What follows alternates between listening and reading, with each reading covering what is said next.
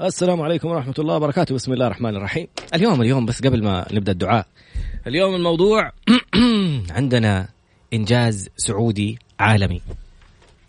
وجاء اتصال. أيوة قطعنا الإنجاز هذا يسجل لاسم أول محترف سعودي في لعبة الجولف لسه الخط موجود. نحن على الهواء مباشرة تفضل. ألو؟ لا ما, ما بكلم الضيف الآن يعني معنا اتصال من الكنترول. طيب شكرا جزيلا.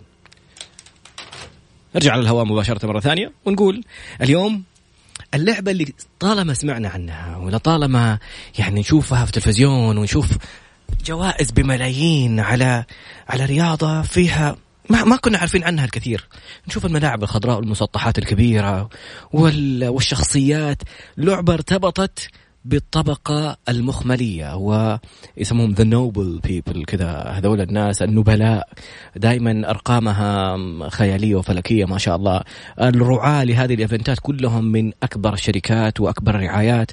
اهتمام كبير فيها وفي المشاركين فيها وبعض الأشخاص اللي يبغوا يعملوا business بيروحوا يبدأوا يتعلموا هذه اللعبة عشان يختلطوا بهذه الطبقة. يعني السيد حسن الجفري أحد فطاحله الماليه في في شركة Creative Edge القابضة اللي تملك Mix FM.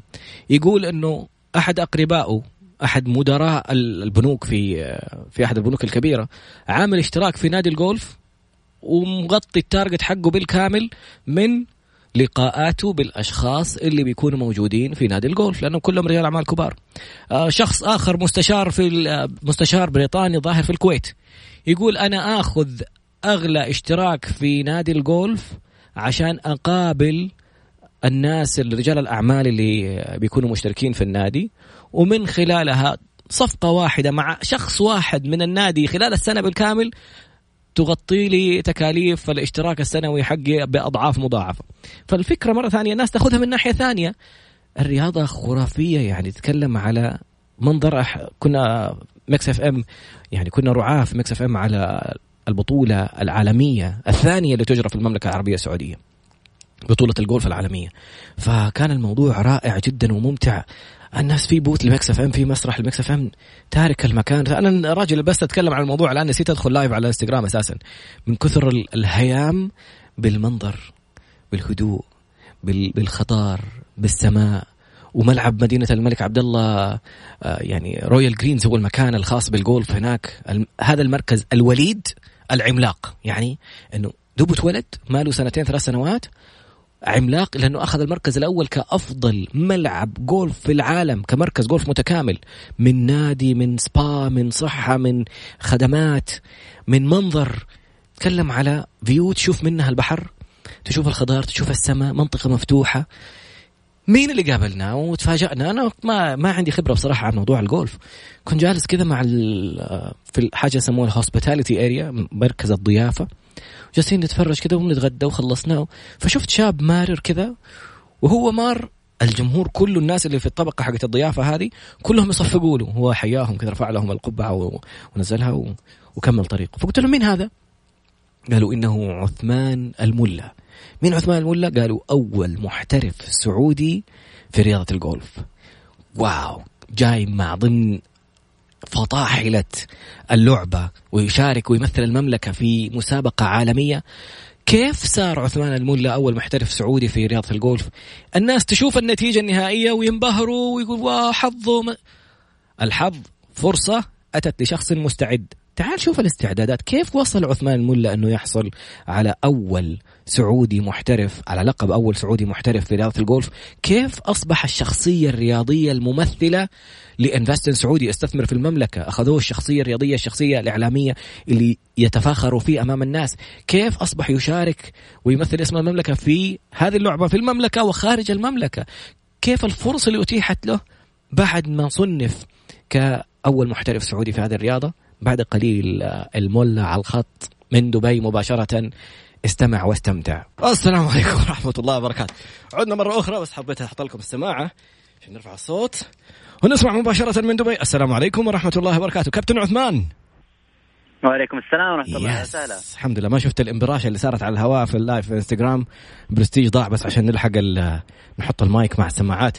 هل تسمعون على ال live صوت الكابتن عثمان واضح.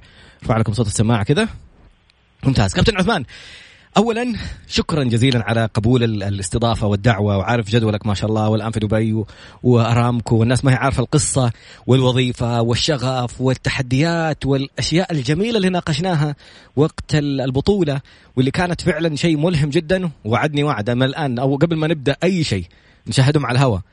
أول ما نتقابل إن شاء الله حتاخذني على كورت حق جولف ونبدأ الكورسات بإذن الله. مليون في المية. بالعكس أول شيء شكرا لك. يشرفني أني أكون معك وحضوركم كان جدا جدا مهم لنا كرياضيين وكسعوديين لما جيتوا يعتبر تشجيع كبير لنا هذا في بطولتنا وفي رياضتنا الحمد لله. طيب أنا كنت داخل في حاله مديتيشن خرافية جالس اطالع في الخضار والسماء في حلقة من الحلقات الماضية كان معنا الدكتور علي أبو الحسن الله يذكره بالخير. قلت له إنتاجيتي اختلفت لما لقيت نفسي أمام البحر. يعني قال لي لأنك أمام الأزرقان السماء والماء. فقلت سبحان الله فالموضوع اختلف في ملعب الجولف. السماء والماء والخضرة والوجه الحسن وكل الناس موجودين كانوا ما شاء الله. كابتن عثمان كيف كانت البداية؟ خلينا ناخذ الموضوع من من الطفولة. هل هذا الشيء تم اكتشافه من من طفولة كابتن عثمان ولا شيء بدأ يعني اكتشافه في مراحل متأخرة؟ أعطينا قصة البداية مع الجولف مع كابتن عثمان مولى تفضل. والله قصتي جدا جدا غريبة يعني كيف بديت الجولف ولا كانت في في في في, في أفكاري ولا في طموحاتي ولا أي حاجة. يعني أنا آه، عشت في المنطقة الشرقية في الظهران في سكن موظفين أرامكو كان شغفي زي شغف كل السعوديين الشباب اللي كرة القدم.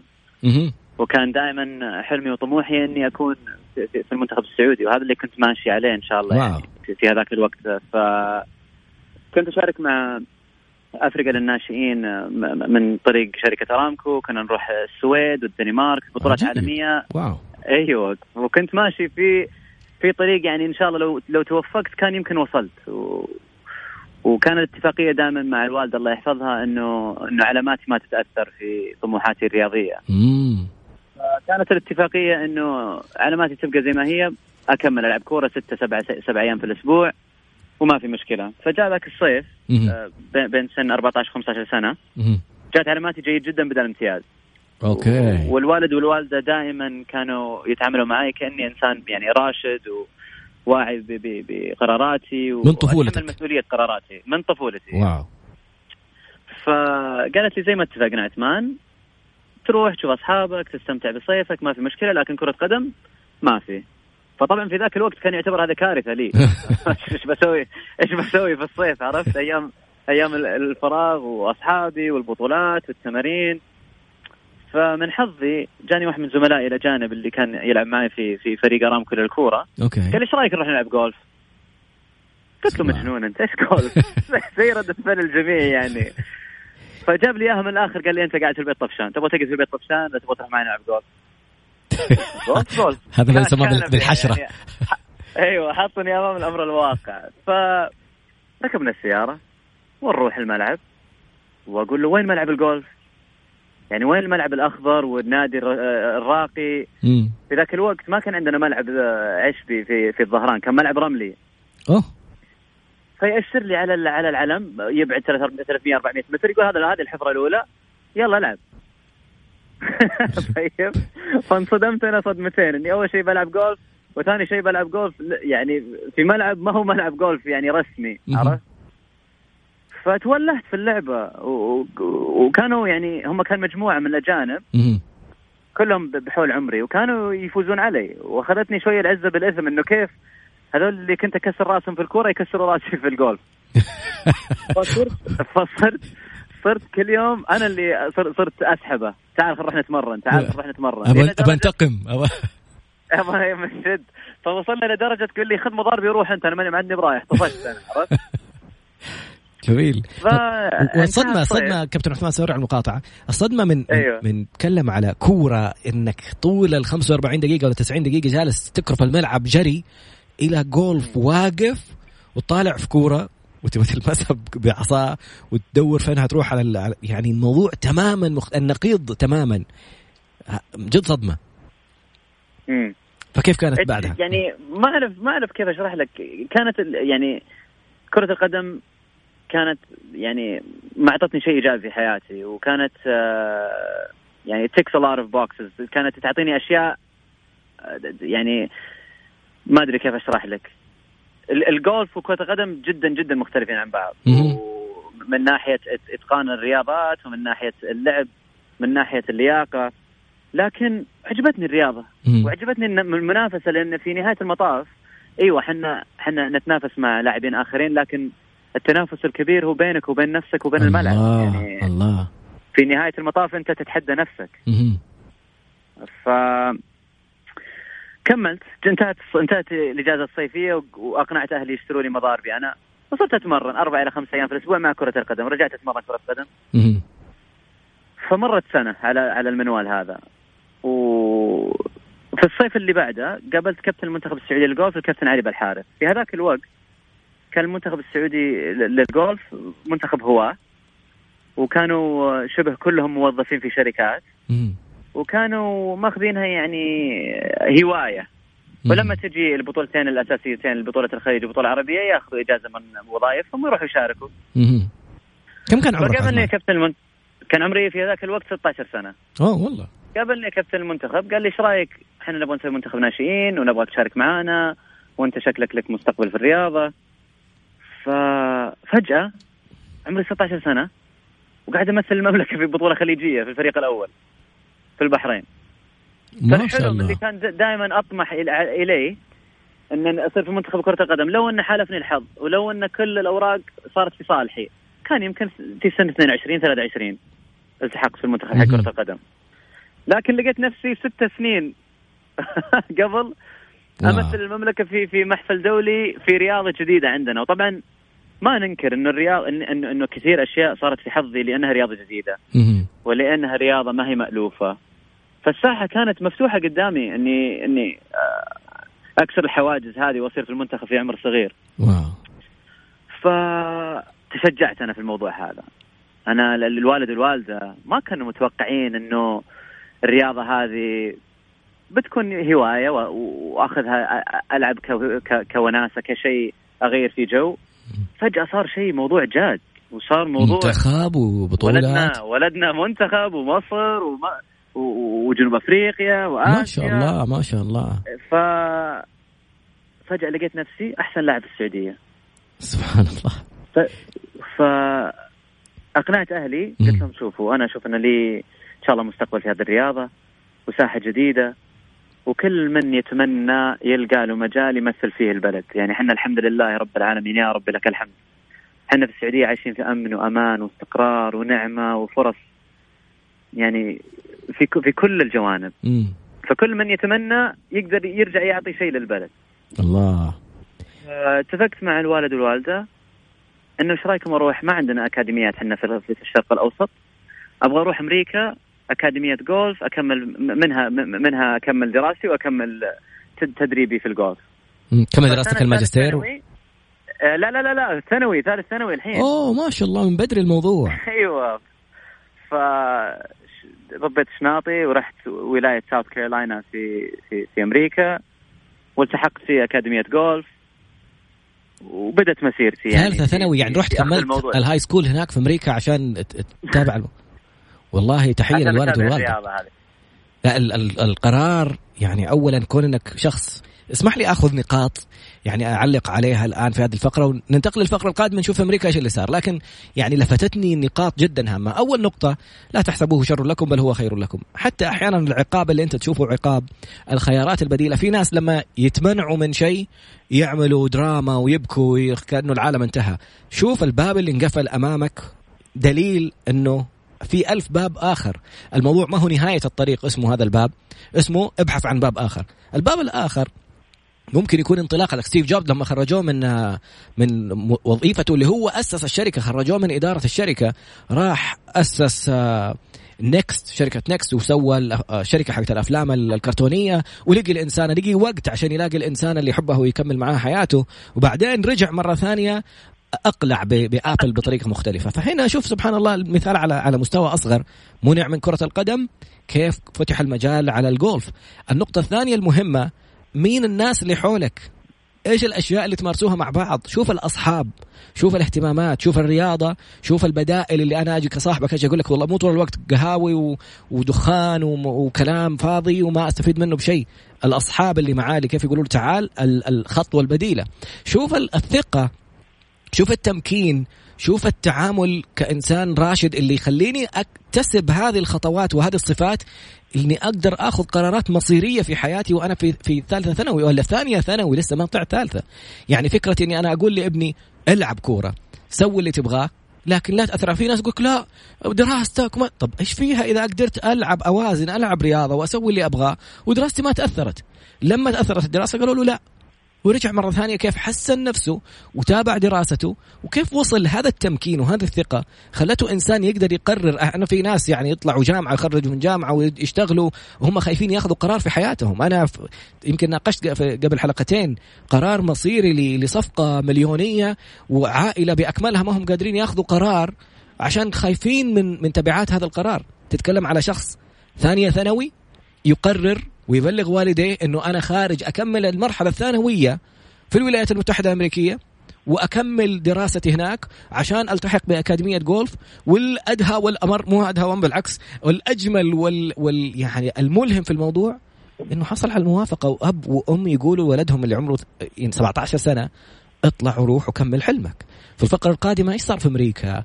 أنا كل بالي إنك رايح تدرس ماجستير وخلوك تحول من الدراسة هناك وإنت تتكلم على ثانية ثانوي يعني هذه صدمة لي أنا شخصيا قبل ما يكون لاي أحد يسمع الموضوع.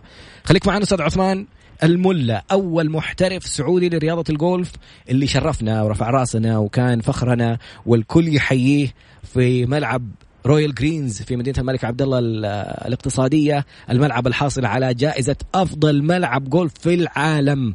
بعد قليل نتابع القصة ماذا حصل في الولايات المتحدة الأمريكية؟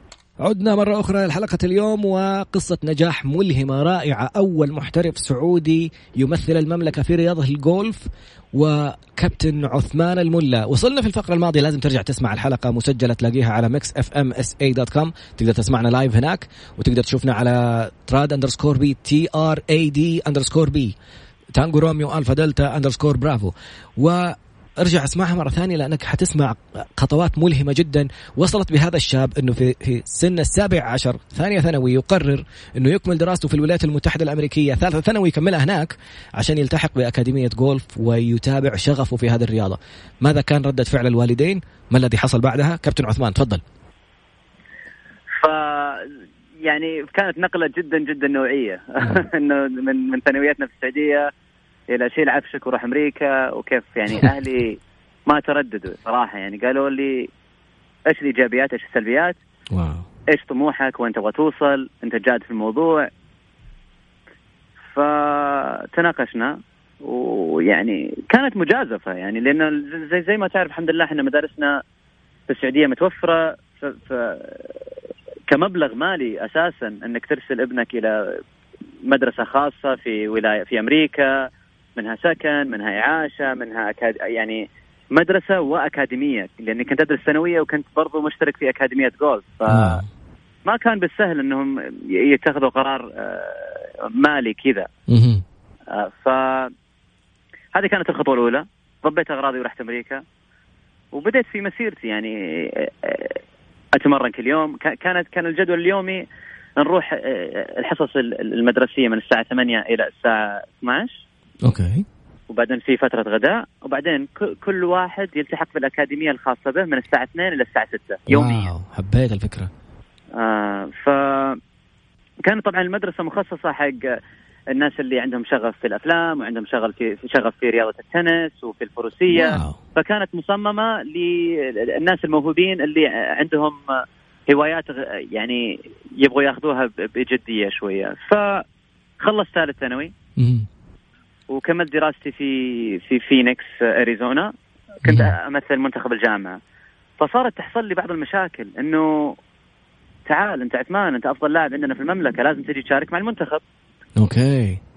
فكنت من من مرتين إلى ثلاث مرات في ال semester أطلع من دراستي آخذ إجازة أسبوع من من من دراستي أروح أشارك في البطولات العربية والخليجية والآسيوية تبارك الله. تمثيلا للمملكة. ف كانت نتائجي كويسة. فرحت من أحسن لاعب في السعودية الحمد لله إلى أف من أفضل اللاعبين في الخليج. ما شاء الله. بعدين من أفضل اللاعبين في الدول العربية. ما شاء الله. فقلت لا في في إن شاء الله مستقبل. okay. ف الحمد لله التحقت ببعثات الملك عبد الله الله يرحمه. ما شاء الله. وكنت كنت أدرس تسويق. وبعدين جاء القرار الكبير القرار المصيري اللي صار في حياتي. آه، رجعت في احدى إحدى الإجازات. وقلت حق الوالد والوالده الله يحفظهم. لازم نقعد جلسة عائلية أخرى ولازم نتكلم لأنه في موضوع شاغل بالي ولازم نشوف له حل يعني. فقالوا إن شاء الله خير. وقعدنا على طاولة الطعام. وقلت لهم دراستي لأني معطيها 100% والرياضة هذه اللي إن شاء الله ممكن تفتح لي بيبان كثيرة ما قاعد أعطيها 100% وأحس إني قاعد أضيع فرصة ذهبية قاعد قدامي. أنا مبتعث وعندي فرصة في الرياضة. لكن ماني معطي آه، أي جهة حقها كامل. قالوا طيب إيش الحل؟ قلت الحل إني أحاول أوقف بعثتي واو. وأترك دراستي لفترة وجيزة وأشوف الرياضة هذه إيش ممكن تفتح لي من بيبان. ف أنا طبعا ما أعرف إيش حتكون ردة الفعل. أنا جاي مصمم انه القرار هذا صحيح. فكما عودوني أهلي أنت إنسان راشد وحنا دائما نعاملك ك ك ك كرجال واعي وتعرف إيش تسوي. إيش الإيجابيات وإيش السلبيات؟ يا أخي والله اسمح لي أقاطعك بس هذه النقطة قبلة على رأس والديك وكمل لو سمحت ما بقاطعك سامحني بس تفضل. والله حقيقة حقيقة قال يعني وراح أشيدنا للموضوع هذا للموضوع هذا إنه كيف كان مهم. وأنا قاعد أقرر قرار يخص حياتي شخصية فقط. الوالد والوالدة قاعد يقرروا قرار تمس حياتهم وتمس حياة ابنهم اللي هم يخافوا عليه. وفي أشياء يعني تتأثر بهذا القرار. فقررنا إنه أوكي ممكن الفكرة كويسة الآن إني أوقف دراستي. فأرسلت الملحقية إنه أبغى أخذ إجازة وجيزة من من دراستي ممكن توقفوا لي بعثتي. وضبط أغراضي وجيت دبي. بما إنه دبي هو مقر كويس للتمرين الآن وأكثر مشاركاتي بين آسيا وأوروبا فدبي تعتبر مقر كويس يعني للتمرين وللسفر وأشياء زي كذا. ف ما مشت الأمور كما أنا كنت متوقع. أه، حطيت نفسي تحت المجهر بيني وبين نفسي. يعني شوف الحمد لله رب العالمين الوالد والوالدة ما في حياتهم. قالوا لي أنت الحين اتخذت القرار لازم تنجز إنجاز لازم تحقق شيء لازم لازم لازم. هم في صفي. ولا حطوا علي الضغط ولا واحد في المية. لكن بديت أنا أه، أهلوس مع نفسي شوية لأني كنت أحط نفسي تحت الضغط أبغى أنجز شيء. أبغى أحقق شيء للمملكة أبغى أحقق شيء في رياضة ما قد تحقق. فصرت ألاحظ نفسي في البطولات إذا ما ألعب زي ما أنا متوقع أقول أوه الحين أهلي متخذين قرار كبير ومجازفة وأكيد الناس قاعدة تقول أنا أعرف المجتمع اللي إحنا عايشين فيه في المملكة. هذا اللي ترك دراسته وبعثه على حساب إيه، البلد. إيه الناس تخاف على عيالهم. يعني مم. الناس تقول دراستك دراستك دراستك. يعني لازم توفر لمستقبلك الأساسيات إنك تقدر تتوفق. مم. فأنا متأكد إنه الوالد والوالدة كانوا يسمعوا كلام كيف أنتم يعني في هذاك الوقت ما كانت الساحة الرياضية زي ما هي إحنا عايشينها الآن في فرص. وفي يعني فرص استثمارية وفرص تسويقية والواحد ممكن يشوف له مستقبل في الرياضة. في ذاك الوقت الأب أو الأم اللي ساند أهلهم للرياضة كأنك تقول خلاص أنا أخلي ولدي يضيع حياته. واو سنة, سنة كم عثمان كانت؟ كانت سنة 2007 واو ما شاء الله كان عمري 21 سنة. أها ف قعدت سنة ونص في, الدوامة هذه ما كنت أحقق النتائج اللي كنت أبغاها كل سنه هاوي على مشارف الاحتراف. فاتخذت قرار جدا كبير مرة ثانية وقلت حق أهلي ما توفقت في القرار اللي أنا سويته لكن أبغى أرجع أكمل دراستي. أنا أشوف إن شاء الله إني أقدر أقدر ادي في دراستي. كنت أنا مجتهد في دراستي في ذاك الوقت وأقدر أرجع إن شاء الله البعثة ممكن ترجع تأخذني. ورجعت والله الوالد والوالدة قالوا إحنا معك مليون في المية في كل قراراتك.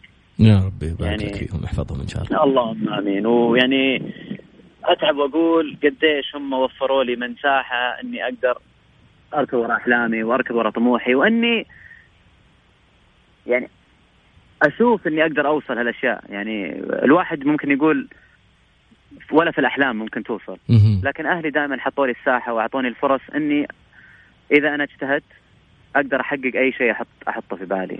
الله. عرفت قصدي؟ الحمد لله رب العالمين. فرجعت. رجعت أمريكا وما عندي بعثه قالوا لي أنت روح. واللي يصير بيصير. يعني إحنا مساندينك. إذا البعثة ما رجعت إحنا إحنا حاضرين نساعدك تكمل دراستك. بس لا تخلي شيء يوقف في طريقك. الله. فرجعت أمريكا ولاية تكساس في هيوستن. وكملت دراستي في المالية. أيوه cowboys في المالية وشوي حطيت الجولف. في الصف الخلفي. يعني قلت أركز الحين على دراستي خليني أخلص دراستي واللي الله كاتبه بيصير يعني. ثلاث سنين وخلصت ال- ال- ال- شهادتي البكالوريوس والحمد لله توظفت في شركة أرامكو. ما شاء الله تبارك الله. وحسيت إنه في شيء ناقص في حياتي. يعني وظيفتي كويسة وراتبي كويس والحمد لله أهلي بخير لكن في شيء ناقص في حياتي. وهو كان المشاركات الرياضيه وتمثيل المملكة في المحافل الدولية. اشتقت يعني في في طموحي لسه كان موجود يعني. ما ما توقفت طموحاتي ولا توقفت أحلامي لكن ركزت على أولوياتي. لما خلصت دراستي و... وتوظفت بديت أتمرن مرة ثانية. أت- أروح الدوام من الساعة 7 للساعه 4 وأخلص الدوام وأبدل وأروح على طول نادي الجولف. وأتمرن. شبه يوميا. ما شاء الله وفي أيام العطلة الجمعة والسبت نقوم الساعة 5 الفجر وأروح أتمرن ما شاء الله لا. كم ساعة في اليوم عثمان؟ يعني ستة إلى سبع ساعات في اليوم الإجازة ما شاء الله. وثلاث ساعات تقريبا أيام العمل واو فبعدها بكم شهر شاركت في بطولة الخليج في الكويت مهم. وكانت أنا كان المفروض أفوز أنا كنت المتقدم الأربع أيام إلين آخر حفرة المنتخب السعودي متقدم وأنا متقدم فردي كان المفروض أفوز مهم. لكن ما حالفني الحظ وخلصت المركز الثاني فصار صار في موقف مصيري في ذاك اليوم. قعدت مع نفسي على طول بعد ما سلمت النتيجة قلت حق أصحابي في الم- في المنتخب والكابتن حق المنتخب قلت احتاج أحتاج وقت مع نفسي. يعني كنت جدا جدا حزين إنه كان بإمكاني أحقق ميدالية ثانية ذهبية للمملكة وما حققتها. قلت أنا الحين قدامي مفرقين، قدام عندي عندي عندي قرار لازم أتخذه. أقدر آخذ هذا هذه النتيجة كفشل إني ما حققت شيء كنت حاطه في, في أمامي. أو ممكن آخذ هذا إنه عثمان أنا تمرنت بس أربع شهور وجبت ورجعت حققت إنجاز كبير مم. ولسه أقدر أحقق الك- الكثير للمملكة. فقلت ما هو اخفاق هذه خبرة أنا ممكن أتعلم منها. الله ف رجعت أتمرن ورجعت أجتهد وفي سنة 2016 حققنا نتيجة ما قد حققت في 45 سنة. ما شاء أنا الله. وزملائي في المنتخب حققنا البطولة العربية الأولى للمملكة العربية السعودية الميدالية الذهبية كفريق والميدالية الذهبية والفضية فردي. ما شاء الله. يعني المملكة ما قد حققت لا ثالث ولا ثاني ولا أول في تاريخ البطولة. وخلصنا المركز الأول خذينا الميدالية الذهبية وخذينا كل الجوائز. ما شاء الله لا قوة في, في. عمان في 2016 أنا وزملائي في المنتخب. أنا وخالد عطية وسعود الشريف وعلي السخي. ما شاء الله. فالحمد لله رب العالمين هذه نتيجة تسجل في تاريخ ال- المملكة ما حد يقدر يمسحها. عرفت قصدي؟ وهذا اللي كان دائما يدفعني انه إنه إيش ممكن نحقق إحنا للمملكه؟ إيش ممكن؟ يعني الشخص على قد ما ياخذ لازم يعطي. وهذه قاعدة أنا عاي- عايش حياتي عليها إنه قد ما الشخص ياخذ وتجيه فرص لازم يرجع يعطي. فتشوفني دائما أحب أعطي وقتي لل- لل- للشباب والبنات اللي يحبوا يجربوا رياضة الجولف والصحفيين الإعلاميين م- مثلك. يعني تعطونا أنتم من وقتكم ضروري إحنا نعطيكم من وقتنا. فزي ما قلت ضروري تجيني يوم تشرفني في نادي الجولف ونستمتع في يوم إن شاء الله نقدر المستمعون يشاركونا في اليوم. يعني ف- هذا شرف لي. اسمح لي عثمان أعلق على هذه الفقرة قبل ما ننتقل للفقرة القادمة. والدروس الرائعة في هذه الفقرة. في كلمة كنت أستخدمها في في السودوكو. كانت قبل حلقتين ثلاث حلقات تقريبا. اليوم جالسين نشوف كل الكلام النظري اللي كنا نقوله في الحلقتين الماضية. من كتاب دكتور بندر الجلاله بالأمس كتاب المرونة النفسية ومن كتاب Feel the Fear and Do It Anyway للدكتورة سوزان جيفرز اللي أحد أفضل الكتب مبيعا في العالم اللي غير حياة ناس كثيرين. كنا نشوف هذه القوانين والأفكار والكلمات الرائعة اللي بنسمعها منهم. اليوم جالسين نشوفها مطبقة فعليا في حياة هذا الإنسان. اولا فكرة إنه إذا أنا واقف بين قرارين مصيريين وماني عارف آخذ قرار كثير من الناس ينشل. ويقول لك خليني على على قولهم ستاتس كو يعني إنه خليني زي ما أنا وزي ما تصير تصير. ما ما أبغى آخذ قرار وفي النهاية أطلع غلطان. طب خليني أشوف مثل الكلمة الرائعة اللي كل فقرة وكل موقف في حياة عثمان تلاقي والدين يقول لك أعطيني الإيجابيات والسلبيات. إيش اللي ممكن يصير هنا وإيش اللي ممكن يصير هنا؟ خذ قرار روح. فالفكرة كانت في, في, اكتب القرار الجديد بالمرسام. ليش بالمرسام؟ عشان إذا رحت شفت نفسك. ما انت قادر تكمل أو ما هو الشيء اللي كنت متوقعه.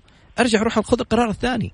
يعني مو لازم تقفل الأبواب وتحرق السفن عشان ما روح وجرب وامشي. ما نفع غير بدل طور نفسك في الموضوع الثاني وقف اخذ قرار مصيري بوقف بعثة. بيتكلم على عائلة جالسة توفر عليهم مصاريف دراسية وتدريبية وأشياء كاملة وجات حكومتك وتكفلت بهذا الموضوع. وهذا فخر لنا. يعني نشوف المعاناة اللي يعانوها الناس في الغرب عشان يكملوا دراساتهم ونشوف النعم اللي إحنا فيها. نقول الحمد لله. بعدها تقول لي والله ما نفع الموضوع ما كان زي ما أتوقع وابغى أرجع أكمل دراستي. الردات الفعل المجتمعية الناس الأصدقاء ولا عليه في أحد. والأجمل من فين اكتسب هذه الثقة من الوالدين اللي جالسين يعطوك هذا البوش اللي يخليك تمشي وتكمل. ولا إذا والديني راضين علي وراضين وداعميني ويقول لك حتى ما ضغطوا عليه إنك هيا حقق شايف الشيء اللي أنت تركته لا تضغط عليه خليه يمشي في حياته ويجرب بنفسه. هذه نقطة. النقطة الثانية قال كلمة رائعة.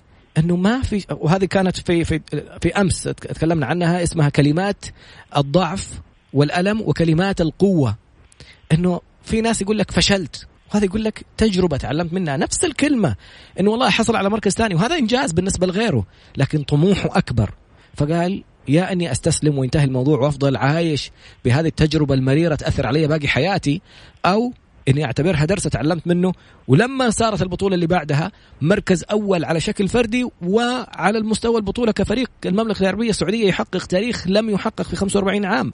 فهذه النقطة اللي يخليك الآن تقول إذا أنت ماشي في موقف صعب في حياتك وحسيت إنك تستسلم ترى ممكن الخطوة القادمة تكون إنجاز مو لك لوحدك لك ولعيلتك ولبلدك ولدينك وللناس اللي حولك اللي يبغوا جالسين يتفرجوا عليك وشايفينك إلهام وينتظروا منك خطوة عشان يتعلموا منك ويمشوا وراك بدل ما يشوفوك ويكتئبوا وهم يستسلموا مثلك.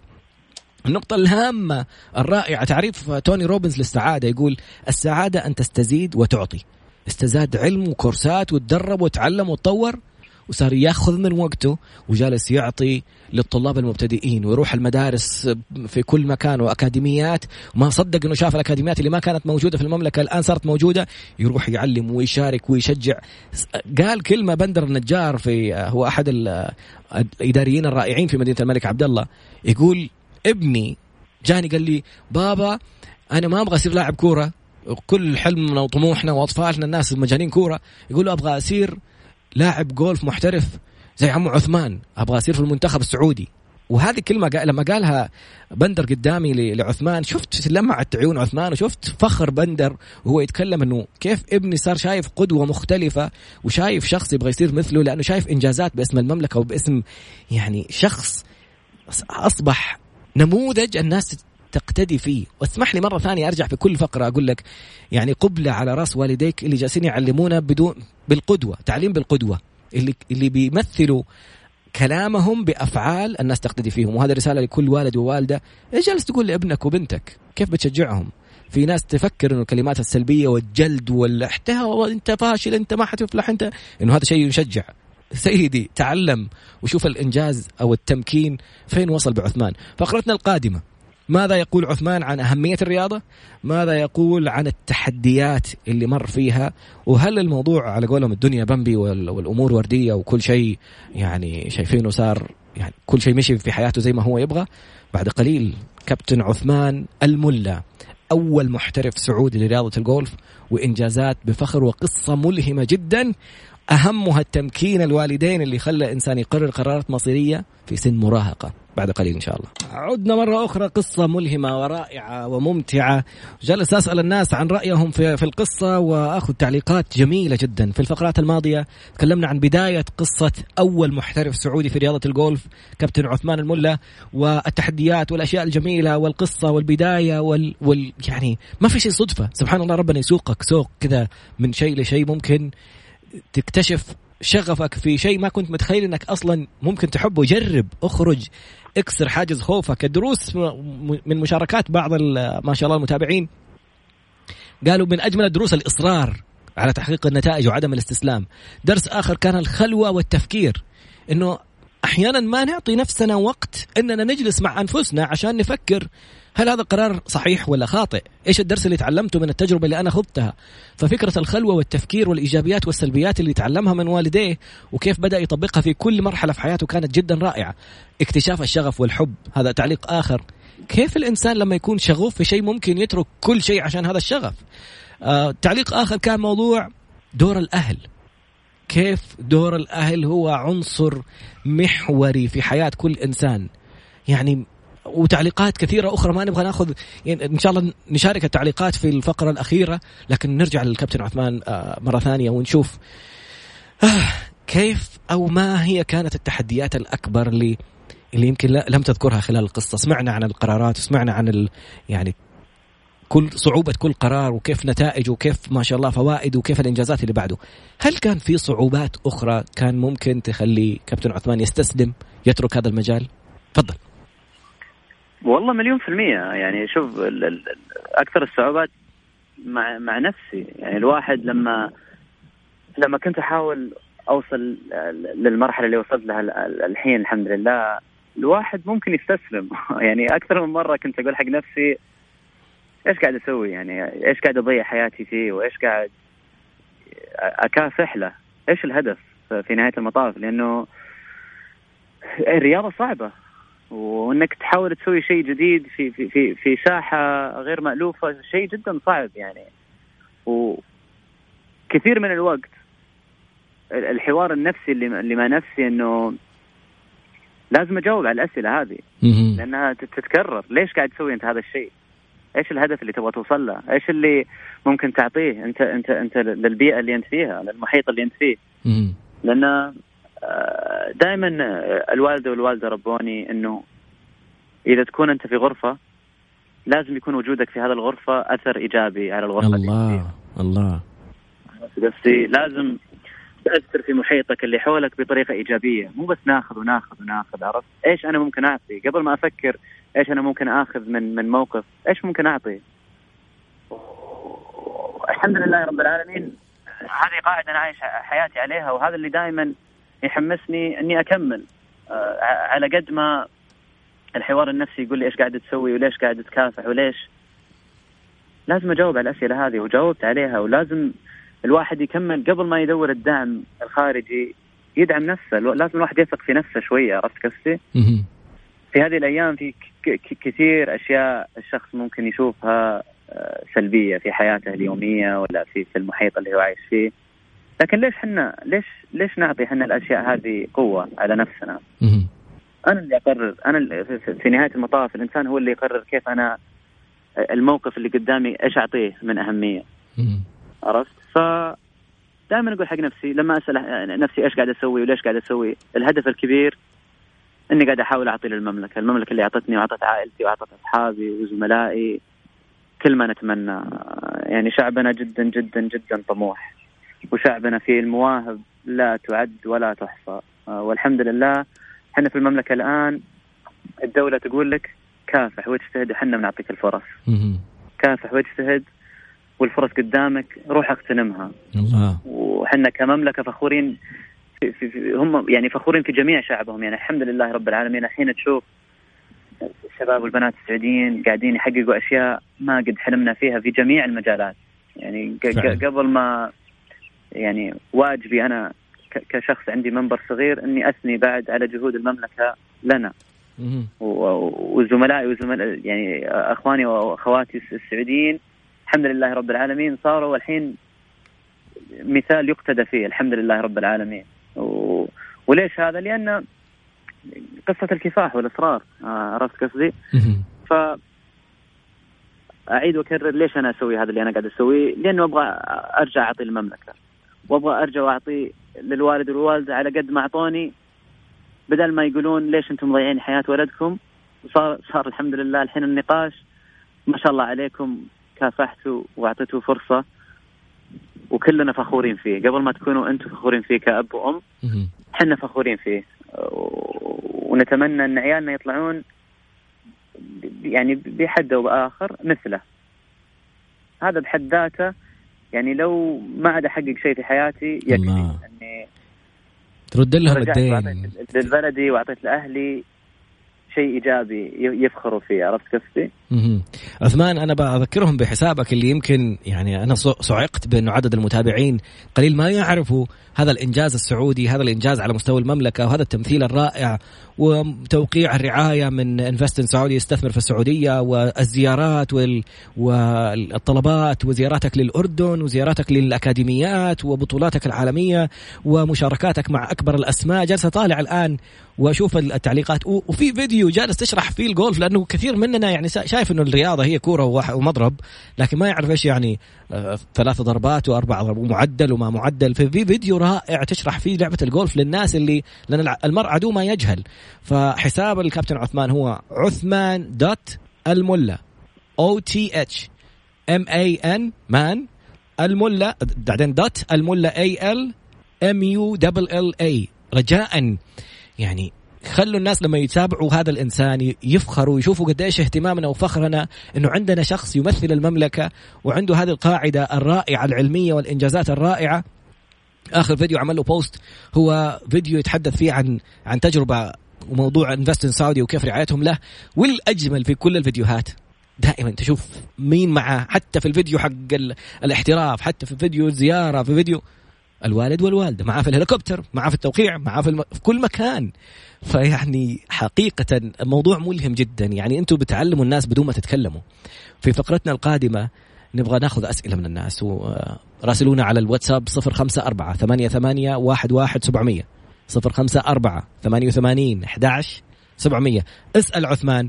اسألنا على الانستغرام Trad underscore B Tango Romeo Alpha Delta underscore Bravo وفي الفقرة القادمة نترك المجال للكابتن عثمان يتحدث برسالته اللي بيوصلها للناس. وأنا عن نفسي أشكرك جزيل الشكر يعني على كل الرسائل الملهمة.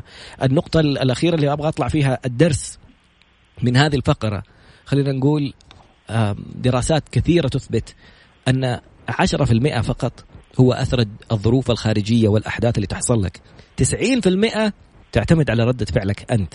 بعد قليل نتابع بإذن الله فقرتنا الأخيرة مع أول محترف سعودي في رياضة الجولف كابتن عثمان الملا. بعد قليل. أسئلة رائعة وتفاعل رائع يعني مشاركات جميلة وأسئلة بصراحة أنا ما كنت أتوقعها لكن دليل إنه كل إنسان عنده شيء يضيفه في حياة الناس. واسمح لي بس قبل ما نبدأ يعني ذكرتني وأنت دائما تشكر تشكر تشكر كل الناس اللي مروا في حياتك و... وأثرهم على حياتك. اليوم أبغى أشكر في, في المستشفى العسكري. كنت في عيادة الأسنان وفي عيادة الدكتور ياسر رهبيني والمساعدة الرائعة دكتورة هدى. يعني التعامل الاحترافية الروعة الاهتمام اللي يحسسك إني أنا مهتم فيك أنت كشخص. احترافية فإنه سبحان الله يعني كل لمسة كل شيء يخليك تحس إنه أنت مصدر الاهتمام مو والله أنا مهمة جالسة أديها وتمشي. هدى شكرا على الاحترافية في اللمسة في في الإتقان اللي خلت إنسان علم مثل الدكتور ياسر يخليك تنجزي هذه الإنجازات ويجي بس يتابع ويشوف يتاكد كل شيء سليم. يعني أثنى عليها أمامي كنت حاسس بفخر فيهم الاثنين حقيقي. وحاسس إنه بنشتغل على ستاندردز عالمية في كل مجالاتنا. زي ما تفضل الكابتن عثمان في الفقرة الماضية كان يتكلم على النجاحات اللي بتحصل في كل المجالات. أمس جالس أقرأ في صحيفة الشرق آه، الاوسط ولا البلاد كانت عن بعثات مركز مسك محمد بن سلمان للنشاطات الخيرية على للمتواجدين في واشنطن دي سي العاصمة. بإمكانهم يلتحقوا في scholarship أو بعثة للموضوع الأبحاث والتطوير. في كل المجالات جالسين نشوف في الأشياء الفنية نشوف في الاشياء الرياضية نشوف في كل مكان. باقي لنا ثلاث دقائق بالضبط وجاتنا أسئلة بصراحة جدا جميلة. أحد الأشخاص أبو زياد يقول معروف أن رياضة الجولف مكلفة وتدريباتها والمضارب والتكاليف هذه كلها. يقول ما شاء الله عثمان يعني الآن هو تبع المنتخب والموضوع ما شاء الله ابن أرامكو فالموضوع يمكن يكون ميسر. كيف من الممكن أن نكسر هذا الحاجز ونأخذ الخطوة؟ في رسالة ثانية وصلت يقول موضوع يعني بعض العوائل للأسف كل اهتمامهم يلا يلا أكبر أكبر أكبر اشتغل اشتغل اشتغل اشتغل يلا تزوج تزوج يلا خلف. وفي النهاية يلاقي الإنسان جميل إني أنا أحقق إنجاز. بعدين أنظر على الناحية الثانية الاستقرار إنه مين الإنسان اللي ممكن تكمل معي حياتي اللي ممكن تدعمني في موهبتي واهتمامي يكون يمكن عندها المجال المشترك أو اهتمام مشترك؟ ردك على السؤالين التكلفة والزواج والأهل والضغوطات. تفضل. والله سؤال وجيه. يعني حواجز وعوامل كثيرة كانت في, في طريقي أول ما بديت لعبة الجولف. ما كان في ملاعب والمضارب والأدوات لازم تشتريها من برا. شوف آه لازم أثني على الاتحاد السعودي للجولف وأثني على شركة تطوير جولف سعودي ومعالي الأستاذ ياسر رميان وماجد سرور. آه في السنتين الماضية زي ما قلت كان عندنا بطولة السعودية الدولية الثانية السنة هذه. فتحوا أبواب لي شخصيا مع الاحتراف ولرياضة الجولف بطريقة غير مشهودة. ما شاء الله. يعني بتشوف إن شاء الله من خمسة ملاعب إلى 25 ملعب في في, في بضع سنوات. واو بتشوف أكاديميات جولف وفرص للسعوديين والسعوديات إنهم يجربوا اللعبة ويلعبوا اللعبة وإنها تكون من من من حياتهم اليومية في, في, في السنة هذه أو السنتين الجاية. فسؤال مرة كويس. زي ما قلت لعبة الجولف كانت معروفة إنها حقت الطبقة المخملية. المخملية وشيء زي كذا. بس أنا أنا ما ما أنظر لها كذا. رياضة الجولف للجميع. من الكبير للصغير. من الأولاد للبنات. فبإذن الله عز وجل آه، الحواجز الكبيرة هذه مثل السعر والتكلفة وقلة الملاعب كلها راح تختفي في السنة السنتين الجاية بإذن الله عز وجل. جميل. والسؤال الثاني طبعا آه، العائلة لها مكان كبير في في في آه، قرارات الشخص.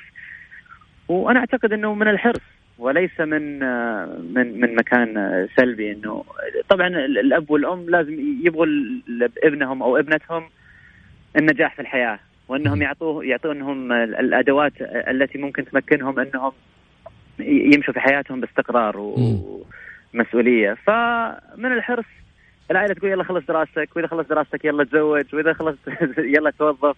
عرفت قصدي؟ لكن آه، ما عاد أنظر إنه اليوم لازم نمشي إحنا بالنموذج هذا أو أو بالخريطة هذه المعتادة. الشخص ممكن يعطي ويؤدي بطريقته الخاصة يعني و...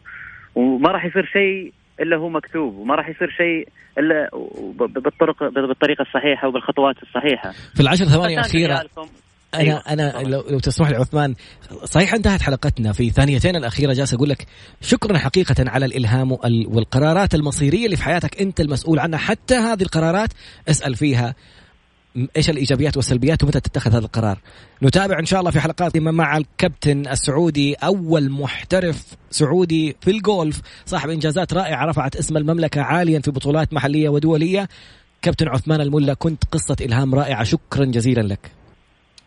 شكرا لك شكرا للاستضافة. تسلم فمان الله عثمان فمان كريم. انتهت الحلقة دورك الآن. إيش الشيء اللي حتكون مميز فيه في حياتك؟ اخرت عليك بالأخبار أنا عارف.